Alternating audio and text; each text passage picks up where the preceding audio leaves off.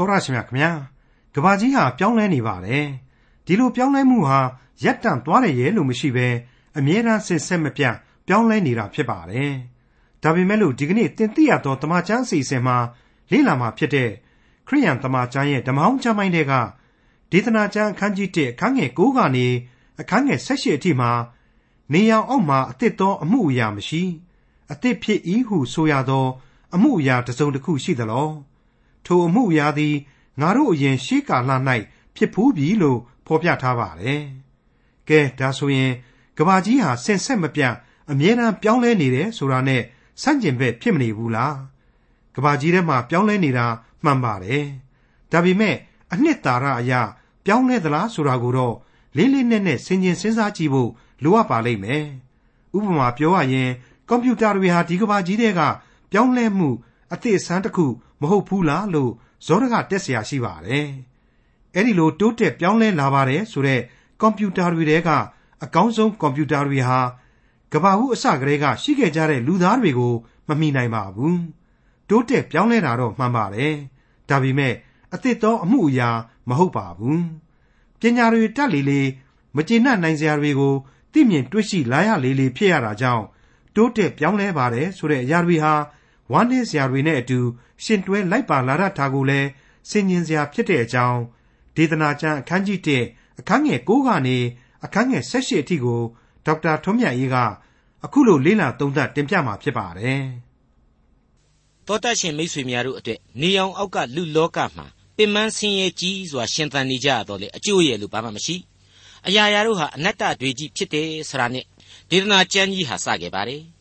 ထို့အတူအနတ္တတရားရဲ့သဘောတရားတွေကိုဖော်ပြနေတဲ့ဒေသနာကျမ်းအခန်းကြီး1ကရှင်းလင်းချက်တွေကိုကျွန်တော်ဒီကနေ့ဆက်လက်တင်ပြသွားရအောင်မှာဖြစ်ပါတယ်။ဒါကြောင့်မလို့အခုအချိန်မှာတော့အခန်းကြီး1ရဲ့အငယ်9ကိုစတင်ဖတ်ပြရစေ။ဖြစ်ဖူးသောအရာသည်ဖြစ်လက်တန့်သောအရာနှင့်တူ၏။ယခုပြုသောအမှုသည်ပြုလက်တန့်သောအမှုနှင့်တူ၏။နေအောက်မှာအသစ်သောအမှုအရာမရှိ။ပြီးခဲ့တဲ့သင်ခန်းစာမှာဆိုရင်ခသိန်းသောအရာတို့သည်လူမပြောနိုင်အောင်ပင်ပန်းခြင်းနှင့်ရှင်ကြ၏။မျက်စိသည်မြင်၍မကုန်တတ် နားသည်လည်းကြား၍မဝတတ်ဆိုတဲ့ဘယ်လို့မှဆန္ဒမပြည့်တတ်သောလူဘဝတရုပ်ကိုကျွန်တော်ကြားခဲ့ရပြီးပါပြီအခုချိန်မှာတော့ရှောလမုန်မင်းကြီးဟာဖြစ်ဖူးတဲ့အရာတွေနဲ့ဖြစ်လက်တန့်သောအရာတွေဟာတူတယ်ယခုပြုနေသောအမှုတွေဟာလေအနာဂတ်မှာပြုရမယ့်အမှုတွေအတိုင်းပဲဖြစ်မယ်နေအောင်အောက်မှာအသက်သောအမှုအရာရဲ့လို့မရှိပါဘူးတဲ့ဒီလိုပြောတာကိုသမိုင်းမှာအစဉ်စဉ်ရှာဖွေတွေ့ရှိလာတဲ့သိပ္ပံပညာအဖြစ်ဆန်းတွေနဲ့ရှင်းပြီးတော့ ခက်ချင်းချင်းကွက်ပြီးတော့အတိတ်ပဲပြန်ရင်တစ်မျိုးဖြစ်လိမ့်မယ်အခြေခံသဘောတရားတွေကိုနားလည်အောင်လေ့လာရင်တစ်မျိုးဖြစ်မယ်အတိတ်ပဲဟာလူသဘောလူသဘာဝမှာအခြေမခံဘူးဆိုရင်ကွဲပြားခြားနာသွားလိမ့်မယ်လို့ကျွန်တော်ဆိုချင်ပါတယ်ဟုတ်ပါတယ် fax လို့ခေါ်တဲ့ဂျိုရုကနေတဆင့်ခံပြီးတော့စာပို့တဲ့စနစ်တွေ cellular telephone စနစ်တွေ computer ဆက်သွယ်ရေးစနစ်တွေထွန်းကားနေပါရဲ့နဲ့ဘာကြောင့်အသစ်သောအမှုအရာမရှိရမှာလဲဆိုပြီးတော့တွေးနိုင်ပါတယ်ဇောရကတက်ချင်ရင်တက်နိုင်ပါတယ် ဒေသနာကျမ်းကတော့ပြတ်သားစွာဖော်ပြပါတယ်အတိတ်ပြစ္ဆုတ်ပံအနာဂတ်လူသမိုင်းရဲ့ဖြစ်ရအပေါင်းတို့မှာအသစ်ဆရာဟာမရှိပါဘူးတဲ့စဉ်းစားချင်းချင်းတန်အောင်လို့ကျွန်တော်သရုပ်ပြခြင်းပါတယ်မိษွေတို့လည်းကိုခန်းစားရတဲ့အသည့်တရားများနဲ့အဲ့ဒီလိုပဲသရုပ်ဖော်ကြည့်ပါအဖြေညှိကြည့်ကြပါကျွန်တော်လက်လန်းမိသည်ကျွန်တော်ရဲ့ဖိုးဖိုးနဲ့ဖွားဖွားတို့ဟာသူတို့ချင်းချစ်ကြတယ်တဲ့ပြီးတော့မိဘတွေကသဘောတူတဲ့အချိန်ကိုစောင့်ပြီးတော့တောရွာကလေးတစ်ခုကအသင်းတော်ကလေးတစ်ခုမှာမင်္ဂလာဆောင်တယ် ထမင်းဟင်းတွေကျွေးပြီးတော့အဲ့ခံတယ်ပြီးတဲ့နောက်မှာတော့မင်္ဂလာလှဲအဖြစ်ပြင်ဆင်ပေးထားတဲ့နွားလှဲကြီးနဲ့မြို့တစ်ပတ်လှဲပြီးတော့သူတို့အတွက်သီးသန့်ပြင်ဆင်ပေးထားတဲ့ဥယျင်ကြီးတစ်ခုကမင်္ဂလာအိမ်မှာနေခဲ့ကြရပါတယ်တဲ့တနည်းအားဖြင့်ကတော့အဲ့ဒါဟာသူတို့ရဲ့ပြားရည်စံခရီးဟန်နီမွန်းပဲဖြစ်ပါလိမ့်မယ်ကျွန်တော်ရဲ့အဖေနဲ့အမေတို့ကြတော့သူတို့အချင်းချင်းချစ်တဲ့အခါမှာမြို့ကြီးတစ်မြို့မှာခန်းခန်းနာနာမင်္ဂလာဆောင်နေအဲ့ဒီခေတ်ကထိတ်တန်းဟိုတယ်ကြီးတစ်ခုစီကနေပြီးတော့ရန်ကုန်ကနေပြီးတော့အစားအသောက်တွေမှားပြီးတော့ကျွေးတယ် ပြီးတဲ့နောက်မင်္ဂလာဆောင်ပေးတဲ့ဆရာကြီးရဲ့ဧည့်သည်တော်တွေရဲ့နဲ့အတူအဲ့ဒီခေတ်ကအကောင်းဆုံးဆိုတဲ့ Ford မော်တော်ကားတွေနဲ့သူတို့အတွက်စီစဉ်ပေးထားတဲ့စံအိမ်တော်ကြီးတစ်ခုစီမှာတန်းစီပြီးသွားခဲ့ကြတယ်အဲ့ဒီစံအိမ်တော်ကြီးမှာရန်ကုန်ကငှားထားတဲ့တီးဝိုင်းကြီးနဲ့မင်္ဂလာညစာစားပွဲကြီးတစ်ခုလည်းကျင်းပခဲ့သေးတယ်လို့ဆိုပါတယ်အစားအသောက်တွေကိုအဲ့ဒီခေတ်ကဆက်ရှင်မင်းကြီးတယောက်ကနေပြီးတော့လိုလေသေးမရှိအောင်ကြည့်ပြီးတော့စီစဉ်ပေးတယ်သူတို့သားသူတို့သမီးတို့ကိုထိတ်တန်းအဆင့်မှာထားပြီးတော့အဲဝတ်ပြုတ်ခဲ့တယ်လို့လည်းကျွန်တော်တို့ကြားရပါတယ် ကျွန်တော်ရဲ့အမနဲ့ရောက်ဖားတို့ကျတော့ယူရသန်ဖះเจ้าကြီးမှာမင်္ဂလာဆောင်နေပြီးတဲ့နောက်အင်းရလိတ်ဟိုတယ်မှာအခမ်းနေနောက်ပြီးတော့လေပြန်ကြီးနဲ့ငပလီကိုသွားပြီးတော့ပြားရည်စံခရီးထွက်ခဲ့ကြပါတယ် ပြီးနောက်မှာလဲလေပြန်နဲ့ပဲကရင်ပြည်နယ်ဖာပွန်မြို့ကကျွန်တော်ရဲ့ရောက်ဖအလုပ်လုပ်တဲ့နေရာကိုသူတို့ဇနီးမောင်နှံခရီးဆက်သွားခဲ့ကြပါတယ်ကျွန်တော်နဲ့ကျွန်တော်ဇနီးတို့ဟာလေရန်ကုန်မြို့ယူရသန်ဖျားရှိခိုးကျောင်းကြီးမှာပဲမင်္ဂလာဆောင်ပါတယ်အဲ့ဒီခေတ်ကာလမှာနောက်ဆုံးပေါ်ဖြစ်တဲ့မာစတာကားအသစ်တွေနဲ့အသင်းတော်ကိုသွားခဲ့ကြပါတယ် ဟန်နီမွန်းအဖြစ်နဲ့သင်္ဘောကြီးနဲ့မြို့ဝကျွန်းပေါ်ကကျွန်တော်ဇနီးရဲ့မိဘများစီကိုသွားခဲ့ကြပါတယ်ပြီးတဲ့နောက်မှာတော့ကျွန်တော်အလုပ်လုပ်ရတဲ့ကရားပြည်နယ်ကိုလေပြန်နဲ့ဆက်ပြီးတော့ခရီးပြူတယ်ကရားပြည်နယ်ရောက်တော့လေဧကန်ပွဲသက်သက်လုပ်ပြီးတော့မိษွေသင်္ကားတွေကိုတီးသန့်ကျွေးမွေးပြုစုနိုင်ခဲ့ပါတယ်။ gain နှစ်ပေါင်း60 80ကနေပြီးတော့100လောက်အတွင်းကအဆင့်ဆင့်သောပြောင်းလဲခြင်းတွေကိုအကဲဖြတ်လို့ရလောက်ပြီလို့ကျွန်တော်ထင်ပါတယ်။ဒီအဖြစ်တွေဟာ ကျွန်တော်ကစီကာပတ်ကုန်းတလောက်အထိပြောရတာဟာအဲ့ဒီလိုပြောင်းလဲခြင်းကိုဆန်းစစ်ကြည့်စေခြင်းလို့ပါ။လှဲကနေပြီးတော့ရှေးခေတ်ကဖွက်ချက်ဖွက်ချက်နဲ့မော်တော်ကားအဆင့်အဲ့ဒီကနေပြီးတော့မှခေတ်သစ်ရဲ့ခင်ပြီးသောမော်တော်ကားတွေလေပြန်တွေစီကိုတရွေ့ရွေ့ကူးသန်းပြောင်းလဲသွားတယ်။သင်္ဘောကြီးတွေစီးတာပိုလာတယ်။ဒါပေမဲ့အနှစ်သာရအဖြစ်ဘာများအကြီးအကျယ်ပြောင်းလဲသလဲဆိုတော့ဘာဆိုဘာမှမပြောင်းလဲပါဘူး။ချစ်ကြောင်းကြိုက်ကြောင်းပြောကြတယ်အတူတူပါပဲ။သဘောတူတော့လက်ထပ်ကြတယ်အတူတူပါပဲ။ပြီးတော့ ဟန်နီမွန်းတွေထွက်ကြတယ်ဒါလည်းဘာမှမထူပါဘူး။သူတို့ကအိမ်တောင်ပြုတ်ပြီးတော့သားသမီးတွေကိုမွေးလို့ကိုတို့လူဖြစ်လာသလိုကို့အလှည့်ကြတော့လေအဲ့ဒီလိုပဲအိမ်တောင်ပြုတ်ပြီးတော့ဟန်နီမွန်းထွက်တယ်သားသမီးလေးတွေနောက်ပိုင်းမွေးဖွားလာတယ်ဆိုတဲ့အခြေခံအမှုအရာမှာကတော့အတူတူကြီးပဲဖြစ်ပါတယ်အဲ့ဒီလိုလူသားတို့ရဲ့အခြေခံအမှုအရာတွေဟာအတိတ်နဲ့ဒီကနေ့ဆက်ဆက်နေပါတယ်ဒီကနေ့နဲ့နှောင်းကာလဟာလည်းဆက်ဆက်နေလိမ့်မယ်ဆိုတာကိုရှောလမုန်မင်းကြီးကဖော်ပြပေးလိုက်ပါတယ်မိတ်ဆွေအပေါင်းတို့ခမညာ ကျွန်တော်အဖို့မသေးမချင်းအနာဂတ်ဆိုတာရှိနေပါတယ်ကျွန်တော်ရဲ့သားသမီးမြေးမြစ်တို့ရဲ့ခစ်တွေကိုကျွန်တော်စောင့်ကြည့်ပါဘာတွေများထူးမလဲဆိုတာကိုစောင့်ကြည့်ပါအာကာသခရီးကိုယင်အသစ်တွေနဲ့နှင်ကောင်းနှင်ကြပါလိမ့်မယ်ဟန်နီမွန်းကိုဟိုတယ်မိုတယ်ကြီးတွေမှာသွားပြီးတော့အချိန်ဖြုံးခြင်းဖြုံးကြပါလိမ့်မယ်ဒါပေမဲ့ဒီလိုပဲဂရဝါသလူကိစ္စကိုသူတို့ခေတ်ပုံစံနဲ့သူတို့ဆောင်ရွက်သွားကြလိမ့်မယ်လို့ကျွန်တော်အခိုင်အမာပြောနိုင်ပါလိမ့်မယ်မိတ်ဆွေအပေါင်းတို့ခမညာ အခုချိန်မှာတော့ဒေသနာကျမ်းအခန်းကြီး1အငယ်30ကိုနားဆွင့်ကြည့်ကြပါအသစ်ဖြစ်၏ဟုဆိုရသော အမှုအရာတစ်စုံတစ်ခုရှိသလောထိုအမှုအရာသည်ငါတို့အရင်ရှေးကာလ၌ဖြစ်ဖူးပြီအသစ်အသစ်နဲ့သာအဆန်းလောက်တာနေကြရတယ်အဲ့ဒါမျိုးရှေးတုန်းကလည်းဖြစ်ခဲ့တာပါပဲတဲ့မကြသေးခင်လေးတုန်းကကဘာကျော်တော်ဝင်မိသားစုကြီးအတွင်ကဖောက်ပြန်မှုတွေကိုကျွန်တော်စိတ်ချမ်းသာစရာတခုမှမရှိအောင်ကြားနာခဲ့ကြရပါတယ်အဲ့ဒီလိုပါပဲ တော်ဝင်ဆိုတဲ့မင်းဆက်တို့မှာဖောက်ပြန်မှုကြီးတွေရှိခဲ့ဘူးတာကိုဓမ္မသမိုင်းမှာပြန်ပြီးတွေ့နိုင်ပါတယ်ကပ္ပသမိုင်းမှာလည်းတွေ့ရပါလိမ့်မယ်အနာဂတ်သမိုင်းမှာလည်းအနာဂတ်လူသားတွေဟာဆက်ပြီးတွေ့ကြရအောင်မှာပဲလို့ကျွန်တော်ရဲရဲကြီးအာမခံလိုက်ပါတယ်အဲ့ဒီအတန်းအစားတွေထဲမှာအခုဒေသနာဆရာကြီးရှောလမုန်ကိုယ်တိုင်ပါဝင်ပါတယ်သူ့အဖေဒါဝိဒ်မင်းကြီးကိုယ်တိုင်ပါဝင်ခဲ့ပါတယ်ဒါဝိဒ်အမျိုးရဲ့ထိတ်ဆုံးကဖခင်ကြီးယူဒကိုယ်တိုင်ပါဝင်ခဲ့ပါတယ်မိတ်ဆွေအပေါင်းတို့ ဒီဒေသနာကျမ်းဟာဒီလူမိုက်ကြီးရှောလမုန်ရဲ့ဘဝဖြစ်စဉ်မှတ်တမ်းတွေပြီးတဲ့နောက်ဘုရားသခင်နဲ့ဝေးကွာလှမ်းသောကာလကလူဘဝမှတ်တမ်းတွေလို့ကျွန်တော်ပြောခဲ့ပြီးပါပြီဒီလိုရှောလမုန်မင်းကြီးကိုပညာရှိကြီးဘုရားသခင်ကိုကြောက်ရွံ့သူကြီးဘဝကနေပြီးတော့လူမိုက်ကြီးအဖြစ်ဖော်ပြလို့များမကျေနပ်ကြဘူးမကြိုက်ကြဘူးဆိုရင်တော့ကိုယ်တိုင်ဟာမှန်ရှိမှရပ်ပြီးတော့မှန်တဲ့ကလူကိုကိုကိုယ်တိုင်ကရောဒီလိုဖြစ်မနေဘူးလားဆိုပြီးတော့မေးတာကြည့်ကြပြီးတော့လို့ကျွန်တော်တိုက်တွန်းခဲ့ပါတယ် စိစိတွေးပြီးတော့ရေးရေးအ ਨੇ ဆုံးပေါ်စေခြင်းလို့ဖြစ်ပါတယ်ရေးရေးတက်မကပို့ပြီးတော့ရှင်းရှင်းလင်းလင်းသဘောပေါက်ရင်တော့ပို့ပြီးတော့ကောင်းပါလိမ့်မယ်မိတ်ဆွေအပေါင်းတို့တိုလီမုတ်ဆတွေနေရာမှာထွန်းကားတိုးတက်နေတာတွေတလခရီးကိုတရက်ထဲနဲ့သွားနိုင်တဲ့သိပ္ပံအတက်တိုးတက်မှုတွေအာကာသအထိတက်လှမ်းနိုင်တဲ့ပညာတိုးတက်မှုတွေရှိတယ်လူဆိုတဲ့တတ္တဝါရဲ့ဖြစ်ချင်းပြက်ချင်းနဲ့သဘာဝဓမ္မတရားကတော့တခါမှပြောင်းလဲခြင်းမရှိပါဘူး ဒါကြောင့်မလို့အသစ်ဖြစ်၏ဟုဆိုရသောအမှုတစုံတစ်ခုရှိသလားမရှိပါဘူးထိုအမှုရာသည်ကျွန်တော်မိษွေတို့ဤအရင်ရှေးကာလ၌ပင်ဖြစ်ခဲ့ဘူးပြီဆိုတာကိုကျွန်တော်ခေါင်းညှိတ်လက်ခံလိုက်ကြပါစို့အခုဆက်ပြီးတော့ရှောလမုန်မင်းကြီးဖော်ပြလိုက်တဲ့အချက်ဟာလေအတော်ကြီးတန်ဝေကရစရာဖြစ်ပါတယ်ရှေးဖြစ်ဖူးသောအမှုအရာတို့ကိုမေ့လျော့တတ်၏နောက်ဖြစ်လက်တန်သောအမှုအရာတို့ကိုလည်းထိုအမှုအရာနောက်၌ဖြစ်လက်တန်သောသူတို့သည်မေ့လျော့ကြလိမ့်မည် စောစောကကျွန်တော်တို့ကြားခဲ့ရတဲ့ဘာမှတစ်တယ်ဆန်းတယ်ဆိုတာမရှိပါဘူးဆိုတာနဲ့ပတ်သက်လို့မကြေမနက်ဖြစ်မဲ့လူတွေအောင့်သက်သက်နဲ့ပဲခေါင်းညှိလိုက်ရတဲ့လူတွေကိုတချီတဲ့ငိုက်ခနဲ့ခေါင်းဆိုင်သွားအောင်ဆက်လက်ဖော်ပြလိုက်တာပဲလို့ကျွန်တော်တွေးပါတယ်ဟုတ်ပါတယ်ရှေးဖြစ်ဖူးသောအမှုအရာတို့ကိုမေ့လျော့တတ်၏နောက်ဖြစ်လက်တန်သောအမှုအရာတို့ကိုလည်းထိုအမှုအရာနောက်၌ဖြစ်လက်တန်သောသူတို့သည်မေ့လျော့ကြလိမ့်မည်မိတ်ဆွေအပေါင်းတို့ nuclear ဘုံတဲ့ atomic energy တဲ့အဲ့ဒီ nucleus ကလေးတွေအဲ့ဒီ atom ကလေးတွေကိုကြမ်းဖန်ပြီးတော့ဘုံလုပ်တယ်ဘုံကြီးတွေလည်းဖြစ်လာရောကိုယ့်ဘာသာကိုလန့်ဖြန့်ပြီးတော့လက်နဲ့တွေပြန်ပြီးတော့ဖျက်သိမ်းကြပါစို့ငြိမ်းချမ်းစွာအတူရှင်တွဲနေထိုင်ကြပါစို့တဲ့မကြောက်ဘူးလားအဲ့ဒီ nuclear တို့ atom တို့ဟာသူတို့ဘုံမလုတ်ခင်ကလေးကရှိခဲ့တာပဲမဟုတ်ဘူးလား အာရန်အေဝမတိုင်ခင်ကဘာတီကလေးကဒီ nucleus နဲ့ဒီ atom ဆိုတာဟာ cells လေးတွေရဲ့ကလပ်စီအမြုပ်တွေအဖြစ်တည်ရှိခဲ့တာပဲမဟုတ်ဘူးလားဒီတော့ကျွန်တော်လူသားတက်တောင်စီနီယာကြနေတဲ့ဒီဒီ nucleus လေးတွေဒီ atoms ကလေးတွေကိုလူသားတွေကသူ့အတူငြိမ်ငြိမ်သက်သက်အိပ်ပျော်နေပါစေဆိုပြီးတော့မထားနိုင်ပဲနဲ့သွားပြီးတော့ကလိတယ်ထိုးတယ်တူးဆွာတယ်ပြီးတဲ့နောက်ဘုံလုပ်တယ်ဟောအခုတော့ကိုယ့်ဘာသာကိုဒီဘုံကြီးတွေကိုပြန်ပြီးတော့ကြောက်နေကြပြီ ကွန်ပျူတာကျတော့မင်းကဘယ်လိုပြောမလို့ကွာဒါဟာအစ်စ်ကွာအစ်စ်ဆိုပြီးတော့ပြောမယ်ဆိုရင်ဒါဟာအစ်စ်မဟုတ်ပါဘူးဒီကွန်ပျူတာ network ဆိုတာဟာလူအုံနှောက်နဲ့အာယုံကြောအဖွဲ့အစည်းကိုခြေပြားတောင်မှမမိတဲ့စက်ကရိယာသာလျှင်ဖြစ်ပါတယ်သူ့တဲ့အစာပေါင်းများစွာသာတဲ့ neurons လို့ခေါ်တဲ့အာယုံကြောကလပ်စည်းကလေးတွေသံပေါင်းများစွာနဲ့အတူအဲ့ဒီအုံနှောက်အာယုံကြောစနစ်ကိုလူတဦးစီအတွက်ဘုရားသခင်ဟာပေးထားခဲ့ပြီးဖြစ်ပါတယ်ဒါကိုကျွန်တော်တို့မေ့လျော့နေကြပါသလား ဟုတ်ပါတယ်ပြီးတဲ့နောက် cloning လို့ခေါ်တဲ့ရုပ်တူစိတ်တူပုံတူလူသားတွေကိုဖန်တီးကြတော့မယ်ဆိုပြီးတော့ genetic engineering လို့ခေါ်တဲ့မျိုးရိုးဗီဇအတတ်ပညာရှင်ကြီးတွေကကြွေးကြော်လာကြပါတယ်အဲ့ဒီမှာတင်ဘုရားသခင်ကကြိုက်မှာမဟုတ်ပါဘူးဆိုပြီးတော့ဘာသာရေးခေါင်းဆောင်ကြီးတွေကထပြီးကန့်ကွက်နေကြတယ်ဆိုတာကိုလည်းသတင်းပလင်းတွေမှာဖတ်နေရပါတယ်ကျွန်တော်တို့သင်သိရသောသမာကျမ်းကတော့ဘာဆိုဘာမှမဝေဖန်ခြင်းပါဘူးစောင့်ပဲကြည်နေပါတယ်ဒါကိုလည်းအသစ်လို့ပြောကြအောင်မလား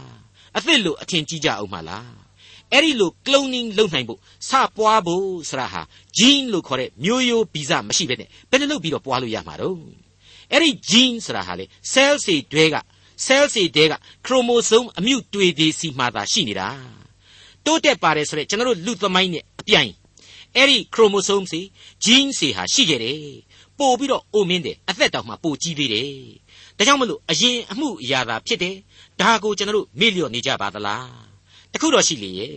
အိပ်ပြောနေတဲ့ nucleus တွေကိုတွားကလော်ပြီးတော့မနေနိုင်မထိုင်နိုင် nuclear ဘုံးကြီးတွေ atomic power စက်ကြီးတွေတည်ပြီးတော့မှထပေါက်မှာကိုပြန်ပြီးလန့်နေရတဲ့လူသားတွေဟာအဲ့ဒီ genes တွေကိုတွားဆွပြီးတော့စပွားလူသားတွေဖန်တီးပြီးတဲ့နောက်မှာပြေးပေါက်မရှိတဲ့အဖြစ်ဆိုးကြီးတွေနဲ့တော့မကြုံကြပါစေနဲ့လို့ကျွန်တော်တို့အလေးအနက်ဆူတောင်းပေးပါတယ်အစိုးပိုင်းတဲ့အကောင်းပိုင်းမှာပို့ပြီးတော့အကျိုးပြုစေလိုတဲ့ဆန္ဒနဲ့ပါဟုတ်ပါတယ်အနာဂတ်ကိုကြိုပြီးတော့ကျွန်တော်မသိပါဘူး မိတ်ဆွေတွေလည်းမသိပါဘူးခရစ်တော်မှာကြားတယ်လို့ဆုတောင်းလျက်စောင့်နေကြမှာပဲလို့သာဆိုချင်ပါတယ်မိတ်ဆွေတော်သားရှင်အပေါင်းတို့ခမညာကျွန်တော်ဆိုရင်လေရှေးကဖြစ်ဖူးတယ်ဆိုတဲ့အရာတွေကိုအသာထားလိုက်အောင်ကို့ဘဝပြစ္ဆုတ်ပံအချိန်မှတောင်းမှမေ့လျော့နေမိတာတွေဟာအများကြီးပဲလို့ဝန်ခံချင်ပါတယ်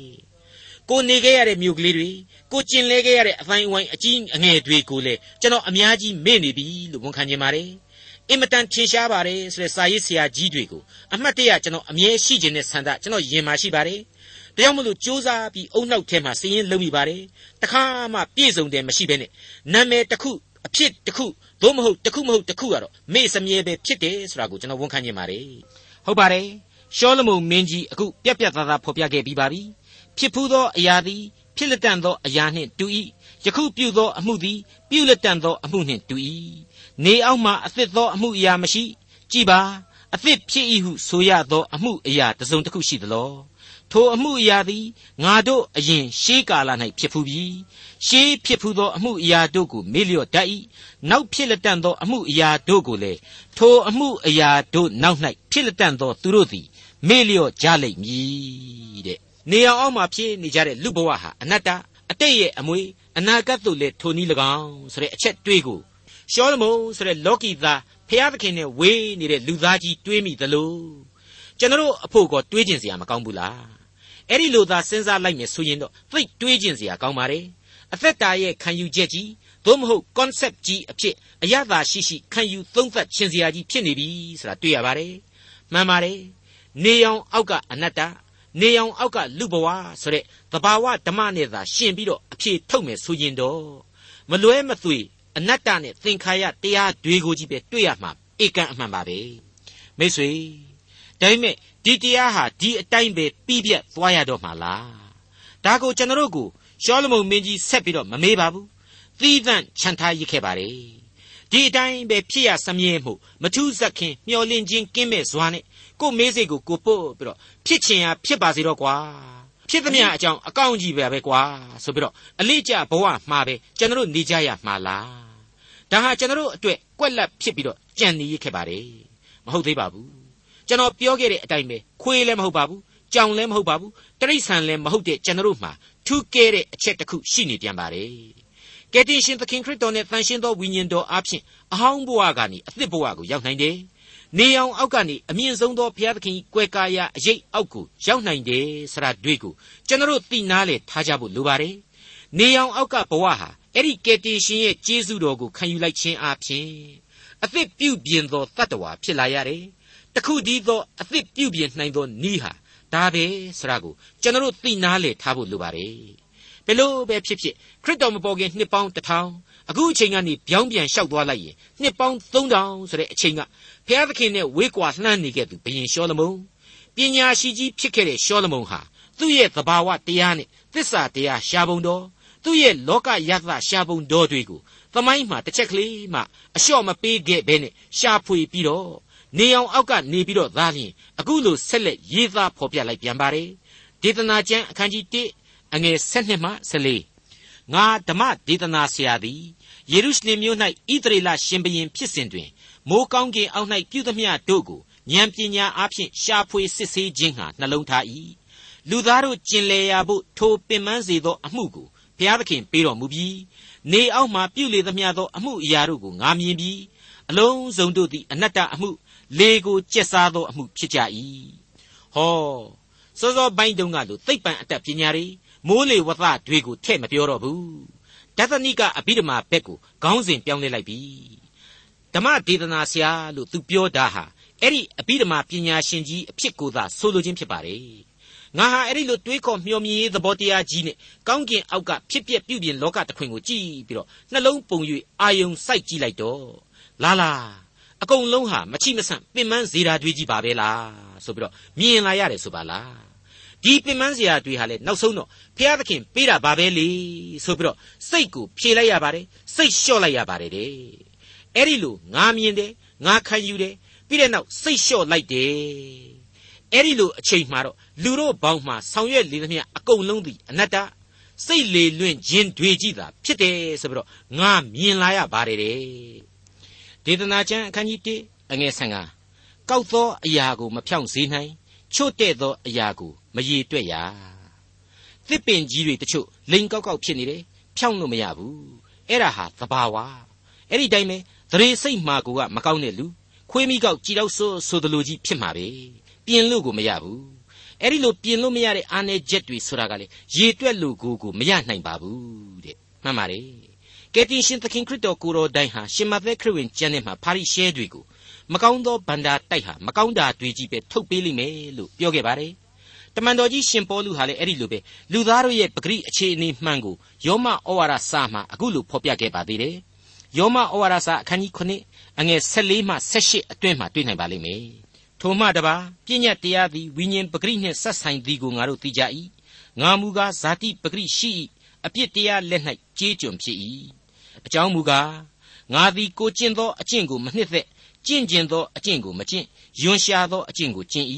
ထိုသောငါသည်မကျင့်ကျင်သောအကျင့်ကိုကျင့်လျင်ပြည့်ညတ်တရားဖြောင့်သည်ဟုငါဝန်ခံ၏တို့ဖြစ်လျင်ထိုမကောင်းသောအကျင့်ကိုငါကိုယ်တိုင်ကျင့်သည်မဟုတ်ငါအထဲမှနေသောအပြစ်တရားသည်ကျင့်၏ငါအထဲမှငါဇာတိပဂရိ၌ကောင်းသောအရာတစ်စုံတစ်ခုမျှမတည်သည်ကိုငါသိ၏အကြောင်းမူကားငါသည်ကျင့်ကျင်သောစိတ်ရှိတော်လေကောင်းစွာကျင့်တတ်သောအခွင့်ကိုရှာ၍မတွေ့နိုင် တခါတမန်တော်ကြီးကပဲဆက်ပြီးတော့ယောမဩဝါဒစာအခန်းကြီး၈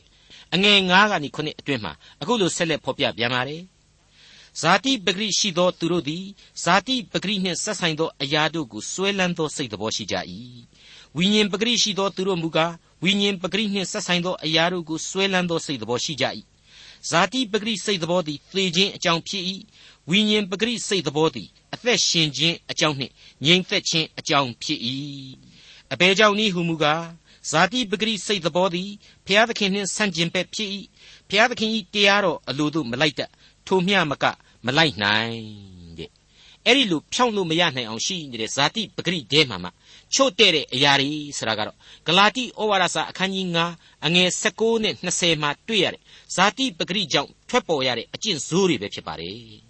ထိုအကျင့်တော်မူကားသူမယားကိုပြစ်မှားခြင်းမတရားသောမေထုံ၌မှီဝဲခြင်းညဉ့်ညူးစွာကျင့်ခြင်းကိလေသာလွန်ကျူးခြင်းရုပ်တုကိုကိုးကွယ်ခြင်းသူတစ်ပါးကိုပြူစားခြင်းရန်ညှိုးဖွဲ့ခြင်းရန်တွေ့ခြင်းဂုံပြိုင်ခြင်းအမျက်ထွက်ခြင်းညင်းခုန်ခြင်းအချင်းချင်းကွဲပြားခြင်းသင်ခွဲခြင်းသူ့အကျိုးကိုညူစုခြင်းလူအသက်ကိုတတ်ခြင်းရစ်မျိုးကိုတောက်ကျူးခြင်းပွဲလုခြင်းမှစသော ထိုသို့သောအကျင့်ပေသည်ထိုသို့သောအကျင့်ကိုကျင့်သောသူတို့သည် ဖျားသခင်နိုင်ငံတော်ကိုအမွေမခံရကြဟုအထက်ကငါပြောနှင်ခဲ့ပြီးသည့်အတိုင်းယခုပင်လေငါပြောနှင်၏မိတ်ဆွေအပေါင်းတို့အဲ့ဒီချို့တဲ့မှုတွေကိုကုစားဖို့အတွက်နောက်ထပ်လိုအပ်နေတဲ့ကုစားမှုတွေဟာလေထပ်ပြီးဖြည့်ဆွက်ရမယ်ကုစားရန်နီလန်တွေပါပဲဟုတ်ပါတယ်နေအောင်အောက်ကအနတ္တလူသားဟာကောက်လို့ဖြောင့်ရံမဖြစ်နိုင်သလိုအားနည်းချက်တွေကိုနေအောင်အောက်ကနီးတွေနဲ့တော့ကုစားလို့မရ ချို့တဲ့အားနည်းချက်တွေဟာလေနေအောင်အောက်မှာဝိုင်းဝိုင်းလဲနေမှာဟာအသေးချာပဲဖြစ်ပါတယ်မိတ်ဆွေအပေါင်းတို့ခမညာအလွန်တော်ပါတယ်တတ်ပါတယ်ဆိုတဲ့ပညာရှိကြီးရှောလမုန်ဟာဒီဩဝါဒစာကိုရေးသားနေခြင်းဖျားသခင်နဲ့ဝေးနေတဲ့လူမိုက်တယောက်အဖြစ်အနေနဲ့ရေးနေတယ်နေအောင်အောက်ကလူသားမိုးပြအောက်ကငမိုက်သားစသည်စသဖြင့်ဇာတိပဂရိလူသားအဖြစ်နဲ့သားလျင်အနတ္တတရားတွေကိုသူ့အဖြေရှာနေတယ်ဆိုတာကိုကျွန်တော်ပြောခဲ့ပြီးပါပြီနော် သူအဲ့ဒီလိုအဖြေရှာတော့အဖြေဟာနေအောင်အောက်မှာမရှိဘူးဆိုတာကိုပဲသူသိရတယ်သိလေစိတ်ပြက်မိတယ်ဘာဖြစ်လို့လဲဆိုတော့သူကိုယ်တိုင်ဟာအဲ့ဒီမိုးပြကောင်းကင်နဲ့နေအောင်အောက်ကနေယုံမထွက်နိုင်လို့ပဲဆိုတဲ့အဖြေပေါ်လာပါတယ်ဒေသနာကျမ်းအခန်းကြီး1အငယ်16ငါသည်ကိုယ်စိတ်နှလုံးထဲမှာပြောဆိုသည်ကငါသည်ငါအရင်ယေရုရှလင်မြို့၌ဖြစ်ဘူးသောသူအပေါင်းတို့တဲ့ကြီးမြင့်၍ပညာရှိ၏ အကယ်စင်စစ်ငါစိတ်နှလုံးသည်ပညာအတတ်များကိုအထူးသဖြင့်လေ့ကျက်၏ဟောအနတ္တတရားကြီးကိုသူ့ပညာတွေသူ့အတွေ့အခေါ်ဒသနာတွေနဲ့သူရှာပြီးတော့သူဟာဓာတွေဟာအနတ္တကြီးပဲလေကိုကျက်စားတဲ့အမှုတွေကြီးပဲဆိုပြီးတော့စိတ်ဓာတ်ကျသွားတယ်ဒါတွေဟာဖျားပေးတာတွေပဲနေမှာပါပဲဆိုပြီးတော့ခေါင်းစဉ်ကိုပြောင်းပြီးတော့ထိုးတယ် အခုကျတော့ယေရုရှလင်မြို့တော်သမိုင်းမှာငါတဲ့ပညာရှိတဲ့လူမပေါ်ဘူးသေးသလိုငါစိတ်နှလုံးဟာလည်းပညာတရားကိုစိန်ပြေနှပြေရှာဖွေမွေ့လျော်ခဲ့တာပါတဲ့သူ့ကိုယ်သူလက်မလေးထောင်လာပါတယ်ကိုပညာဉာဏ်ကိုလည်းကိုဟာအတော်အထင်ကြီးပြီးတော့မာနတက်လာတဲ့သဘောလေးကိုတွေ့နိုင်ပါတယ်အဲ့ဒါဟာဒီနေရာမှာသေသေးချာမှတ်တမ်းတင်ရမယ့်အချက်ပါ gain ပြေဝစုံလင်ခြင်းရှိပါတယ်ဆိုတဲ့ယောဘဝတ္ထုတဲကယောဘအမည်ရှိပုဂ္ဂိုလ်တော်ကြီးနဲ့ ဉာဏ်ပညာအရာမှာကဘာတခွင်ကစံတင်ရပါတယ်ဆိုတဲ့ရှောလမုန်မင်းကြီးနေအောင်အောက်ကပြေဝစုံလင်ခြင်းတွေနေအောင်အောက်ကပညာတွေတသနာအတွေးအခေါ်တွေနဲ့ကို့ဖာသာကိုဘသူဘာပြောပြောအထင်တော့ကြီးနေကြတာကြီးပဲအဲ့ဒီလိုအထင်ကြီးနေပေမဲ့လေဟာကွာငါနဲ့သေပဲသေခြင်းတော့တာပါပဲဆိုရလောက်အောင်အနတ္တတရားကြီးကိုမြင်ပြီးတော့ဖုတ်လိုက်ဖုတ်လိုက်ဖြစ်နေပြီဆိုတာကိုကျွန်တော်တို့ရှင်းရှင်းကြီးတွေ့ရပြီအခုဆိုရင်ရှောလမုန်မင်းကြီးဟာဆက်ပြီးတော့ဝန်ခံပါတော့ပဲ ဒေသနာကျမ်းအခန်းကြီး1အငယ်18ပညာတရားကို၎င်းလျှက်ပေါ်ခြင်းနှင့်မိုက်မဲခြင်းတို့ကို၎င်းပိုင်းခြား၍သိအံ့သောငါငါသည်နှလုံးထား၏ထိုအမှုသည်လေလေကိုကျက်စားသောအမှုဖြစ်သည်ကိုငါရိပ်မိ၏ပညာတရားကို၎င်းလျှက်ပေါ်ခြင်းနှင့်မိုက်မဲခြင်းကို၎င်းတဲ့အထူးသတိပြုရမယ်နောက်တစ်ချက်ပါ၎င်းဆိုတဲ့အပိုင်းအခြားကလေးသာမထည့်လိုက်ရင်လေအဲ့ဒီပညာနဲ့လျှက်ပေါ်မိုက်မဲခြင်း wisdom and folly ဆိုတာဟာဘာမှမဝေးတော့ဘူးနေအောင်အောက်မှာလှေတစင်းမှာနှစ်ဖက်ရှိနေတဲ့လှေနံများပဲဆိုတာကိုအလွန်အလွန်သိသာထင်ရှားစေလိမ့်မယ်လို့ကျွန်တော်ခံယူလိုက်ပါတယ်အဲ့ဒါဟာသဘာဝမကျလွန်ဘူးလားကပ္ပသမိုင်းဓမ္မသမိုင်းကအေယာမအကျော်အမော်ကြီးတွေထင်ရှားတဲ့မဟာပုဂ္ဂိုလ်ကြီးတွေသူရဲကောင်းကြီးတွေအဲ့ဒီတိုင်းပဲလှေနံတွေနှစ်ဖက်နင်းခဲ့ကြတာကိုတွေ့ရတယ်ပြီးပြည့်စုံတယ်လို့ဘလောက်ပဲအများကထင်ထင် လက်တွေ့ဖြစ်စဉ်တွေကတော့နေအောင်အောက်ကအနတ္တနဲ့ဝေဖန်လိုက်မယ်ဆိုရင်အကောင့်တဲ့အဆိုးတွေကတောင်များနေတယ်လို့တွက်ဆရမယ်ထင်ပါတယ်အဲ့ဒီအထက်မှာတော့အခုဒေသနာအတွေးအခေါ်ကြီးနဲ့ဥဆောင်နေတဲ့ရှောလမုန်ဟာထိတ်ဆုံးကပါသလိုသူ့အဖေဒါဝိဒ်ပါဝင်ပါတယ်သူတို့ရဲ့ဘေးလောင်းတော်အာဗြဟံကအစယူဒမောရှေယောရှုတို့လည်းပါဝင်ခဲ့ကြပါတယ်သူတို့အားလုံးဟာပညာတရားနဲ့လျှက်ပေါ်မိုက်မဲခြင်းတို့ကိုအလှည့်ကျတန်းစီပြီးတော့ကျူးလွန်ခဲ့ကြတယ် ဒါတွေဟာနေအောင်အောက်ကလူသဘာဝတရုပ်မှန်တွေကြီးတာဖြစ်ပါတယ်မိတ်ဆွေအပေါင်းတို့ဘဝတက်ကသို့ဆိုပြီးတော့ရုပ်လောကရဲ့ပညာများကိုကိုဟာဘဝအသိများနဲ့ရယူခဲ့တယ်ဆိုပြီးတော့လူသားတွေလက်မထောင်တတ်တာကိုကျွန်တော်ပြောခဲ့ပူပါတယ်အဲ့ဒီလိုဘဝအသိတိုင်းဟာစစ်မှန်တဲ့ပညာရှိဖြစ်အောင်လုပ်ပေးနိုင်ပါရဲ့လားဘဝအသိတိုင်းဟာသစ္စာတရားတွေအမှန်ကြီးပဲလို့ပြောနိုင်ပါရဲ့လားဒါဟာကျွန်တော်တို့စဉ်းစားရမယ့်အချက်ပါ ရှောလမုန်ဟာဘဝအသိတွေအများကြီးရှိတဲ့လူကြီးဖြစ်တယ်ဘုရားသခင်ကောင်းကြီးပေးလိုက်တဲ့အခါမှာတော့လောကီဉာဏ်ပညာတွေလည်းအများကြီးရှိတယ်အကုန်လုံးဟာနေအောင်အောက်ကအသိနဲ့နေအောင်အောက်ကအရှိတွေကြီးပါပဲအဲ့ဒီအသိတရားကြီးတွေဉာဏ်ကြီးတွေနဲ့အရာရာကိုရှုမှတ်တဲ့အခါမှာတော့အနတ္တတွေကြီးဖြစ်နေတယ်နောက်ဆုံးကျတော့အဲ့ဒီလိုလိုက်ပြီးတော့ရှုမှတ်ရတာကိုယ်တိုင်ကအနတ္တပဲတဲ့ဟုတ်ပါတယ်ဘလောက်ကြည့်စိတ်ပြက်စရာကောင်းတယ်လေအဲ့ဒီအထဲကအကုန်လုံးဟာတခုမှကောင်းတာမရှိတော့ဘူး သူပြောလိုက်သလိုလေကိုကြက်စားခြင်းတွေကြီးဖြစ်ကုန်ရပြီဒေသနာကျမ်းအခန်းကြီး1အငယ်18အကြောင်းမူကားပညာများလျင်ညိုညင်စရာအကြောင်းများ၏သိပ္ပံအတတ်တိုးပွားသောသူသည်ဝန်းနေခြင်းတိုးပွားတတ်၏သိတာတွေကအလွန်အလွန်များလွန်းတော့ဘယ်နေရာမှာမှစိတ်ကြည်နက်တယ်ဆိုတာမရှိနိုင်ဘူးအားမလို့အားမရဓာရီဟာအမြဲတမ်းရှိနေပါတယ်တဲ့ သိပ္ပံအတတ်တွေဆိုတာကလေတိုးတက်တာတော့မှန်ပါရဲ့အဲ့ဒီတိုးတက်မှုနဲ့အတူစိတ်ပြက်ဝန်းနေစရာတွေကလည်းအမြဲကပ်ပြီးတော့ပွက်ညက်များကပ်တယ်လို့ကပ်ပြီးတော့ပူတွဲလိုက်ပါလာရစမြဲပဲတဲ့မှန်ပါတယ်ရှောလမုန်ဆိုတဲ့ပညာရှိကြီးဟာပညာအထုပ်အထည်ကြီးနဲ့မိုက်မဲခဲ့ဘူးပြီများစွာသောပရောဖက်ကြီးတို့ဘေးဖြင့်မိုက်မဲသူများဖြစ်ခဲ့ဘူးပြီ King James Version လို့ခေါ်တဲ့တမန်ကျမ်းစာကိုပြုပြင်ခဲ့ဘူးသူဘယင်ကြီးဘင်းဖြင့်ဒီအတိုင်းပဲဖြစ်ခဲ့ဘူးပြီလို့သမိုင်းမှတ်တိုင်တို့ဟာအပြိုင်အဆိုင်အဖြေပေးခဲ့ပြီးပါပြီဒီလိုအနတ္တအနတ္တဘာမှလည်းအဟုတ်မဟုတ်ပါဘူးဆိုတဲ့နေရာမှာနောက်ဆုံးတော့ငါတို့ရဲ့အတွေးအခေါ်ဆိုတာကိုယ်တိုင်ဟာအနတ္တတက်တက်လေကိုကျက်စားသောအမှုသက်သက်လို့ဆိုလိုက်တဲ့အတွက်ကြောင့်အားလုံးကိစ္စပြတ်သွားပြီလို့ကျွန်တော်တို့မြင်ရပါပြီ အခုကွန်ပျူတာခေတ်နဲ့သိပ္ပံလွန်အတတ်ပညာခေတ်နဲ့အကြီးအကျယ်ဝေးကွာတဲ့ခေတ်ကလူကြီးတယောက်ရဲ့အဆိုကိုညင်းနိုင်လို့ရှိရင်ညင်းကြပါတော့လို့ကျွန်တော်လေးစားစွာတင်ပြလိုက်ပါရစီခင်ဗျာဒေါက်တာထွန်းမြတ်ရေးစီစဉ်တင်ဆက်တဲ့တင်ပြရသောတမချန်းအစီအစဉ်ဖြစ်ပါတယ်နောက်တစ်ချိန်အစီအစဉ်မှာခရိယန်တမချန်းရဲ့ဓမ္မဟောင်းကျမ်းပိုင်းတွေကဒေသနာကျမ်းအခန်းကြီး2အခန်းငယ်1ကနေအခန်းငယ်7အထိကိုလေ့လာမှာဖြစ်တဲ့အတွက်စောင့်မျှော်နားဆင်နိုင်ပါတယ်။